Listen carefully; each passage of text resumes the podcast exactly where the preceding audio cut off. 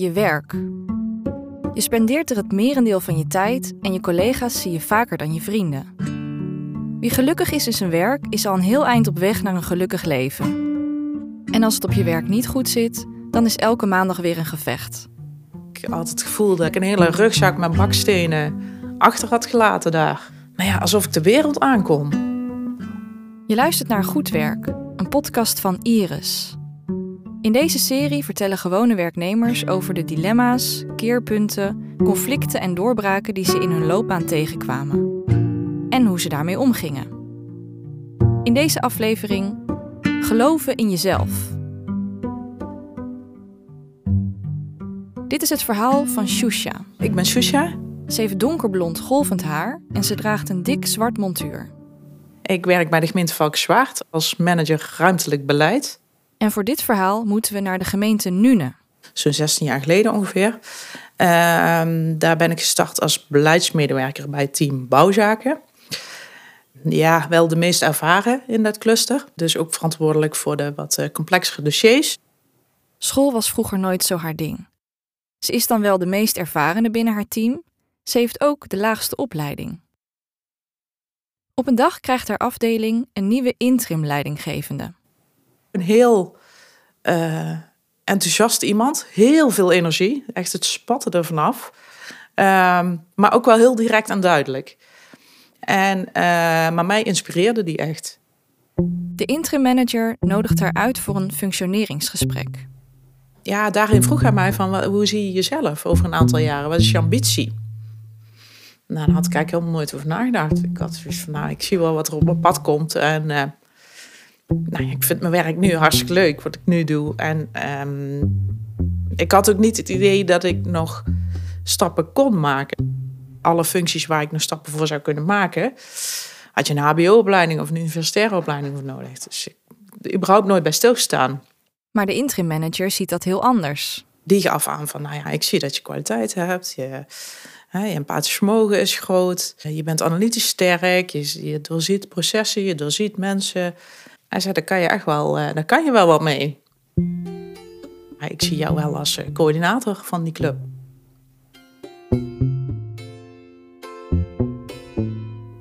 Ik denk, wat overkomt mij nou toch? Wat?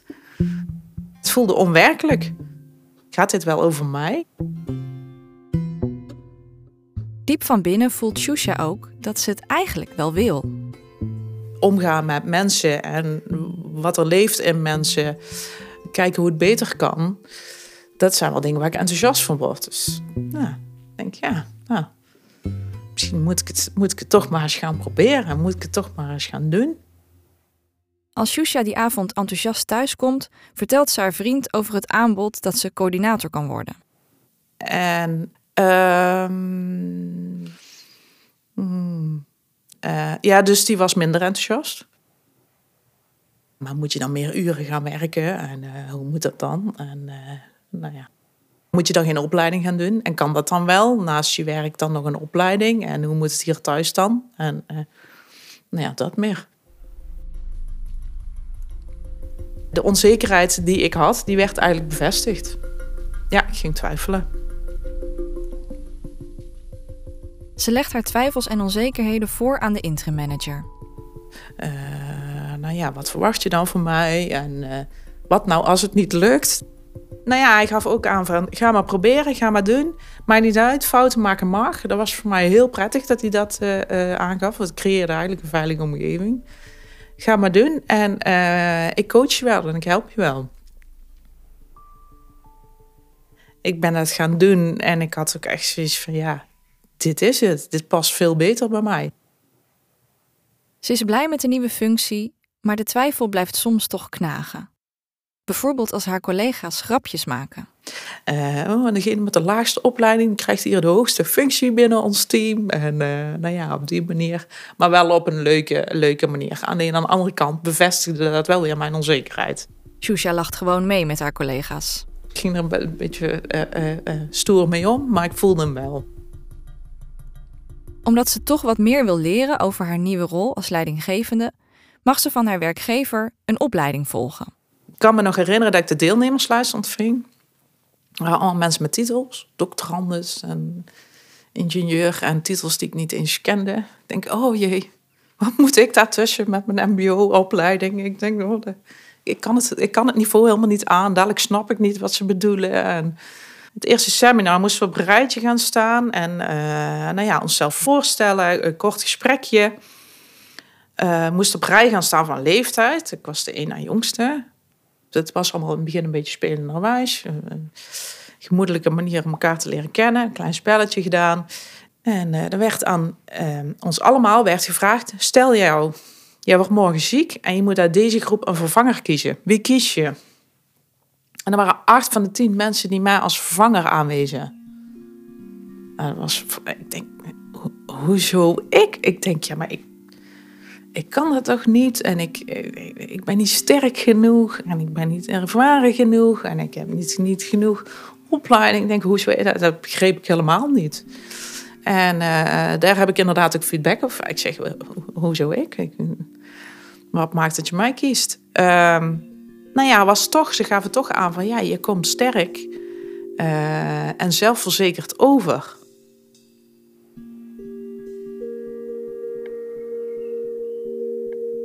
Dacht ik, ja, er zit dus toch iets blijkbaar. Um, dat ik niet in mezelf geloof, maar dat anderen wel in mij geloven. Dat anderen iets in mij zien. Je bent een sterke vrouw, een krachtige vrouw, werd er toen genoemd. Ik denk, nee, ik ben helemaal niet sterk. Gedurende de opleiding gaat Shusha zich steeds zekerder voelen. Ik ging naar huis en ik, ik had het gevoel dat ik letterlijk een hoop onzekerheid van me af had gekiept. Dat ik een hele rugzak met bakstenen achter had gelaten daar. Dus heel, uh, ik voelde ook heel veel energie. En, nou ja, alsof ik de wereld aankom. Echt een heel euforisch uh, gevoel. Thuis vertelt ze aan haar vriend wat ze allemaal heeft meegemaakt. Hij wist eigenlijk niet zo goed wat hij ermee aan moest. Voor mij op dat moment een grote teleurstelling. Bij ieder seminar uh, voelde ik groei. En hij stond uh, stil en het verschil daarin uh, werd, ja, werd steeds duidelijker en steeds groter. Ja. Ook na de opleiding merkt Shusha dat ze sterker in haar werk staat. Ze durft bijvoorbeeld mensen op hun fouten aan te spreken. tot dan toe voelde dat altijd heel onnatuurlijk voor mij. Maar als ik echt uh, iemand ja, bij wijze van terecht moet wijzen, dat vond ik echt wel, uh, vond ik echt wel lastig. Daar kon ik van tevoren buikpijn van hebben. En vanaf toen ja, voelt het gewoon makkelijker, beter vind het nog niet het allerleukste van het, van het vak, zeg maar. Maar het voelde wel beter. Ik weet nog dat ik een keer een confrontatie met iemand ben aangegaan.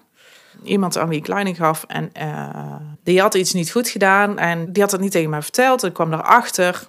Ik weet nog dat ik in eerste instantie kan kwam vragen: heb je even? Dat we even apart kunnen gaan zitten. En ik vind in principe als je iemand ergens aanspreekt of mee in gesprek gaat, vind ik dat netter om dat niet in een volle kamer te doen. Dat hij aangaf: kan ook hier hoor. Dus ze confronteert hem in de volle kamer met zijn fout. En zijn reactie? Ach ja, foutje kan gebeuren, hè? Eh, zeg nou. En ik, dat, dat, voelde voor mij niet goed. Ik zeg nou, foutje, dit is wel een foutje wat behoorlijk wat consequenties kan hebben. Ja, wat moet ik dan? zei hij heel nonchalant. Moet ik ervan wakker liggen? Ik zeg nou, je mag er op zijn minst wel even buikpijn van hebben. En ik, ik, ik zei dat met een, met een kracht en met een wat hardere stem. En ik kan me nog herinneren dat er in die kamer inderdaad verschillende grote ogen naar mij en blikken van: wow, wat gebeurt hier? Ik had een kracht in mezelf die, die ik niet eerder had gevoeld. Ik heb wel eens gehoord dat mensen na die periode ook echt anders tegen me aan uh, zijn gaan kijken. Van je bent echt opgestaan. Ja, het, het voelt, als ik het nu moet omschrijven, uh, voelt het alsof ik de vrijheid in mezelf heb ontdekt. Terwijl ik nog in een thuissituatie zat waar ik me opgesloten voelde. Uiteindelijk gooit ze ook die last van zich af.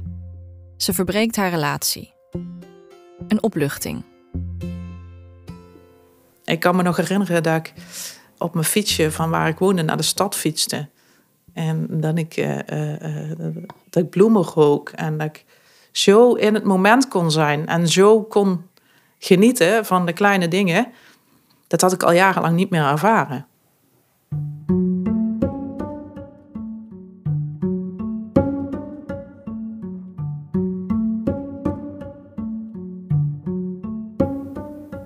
Als je je ontwikkelt, dat, dat slaat op alles terug. Je kijkt anders naar de wereld en anders naar iedereen om, om je heen. Je luisterde naar Goed Werk.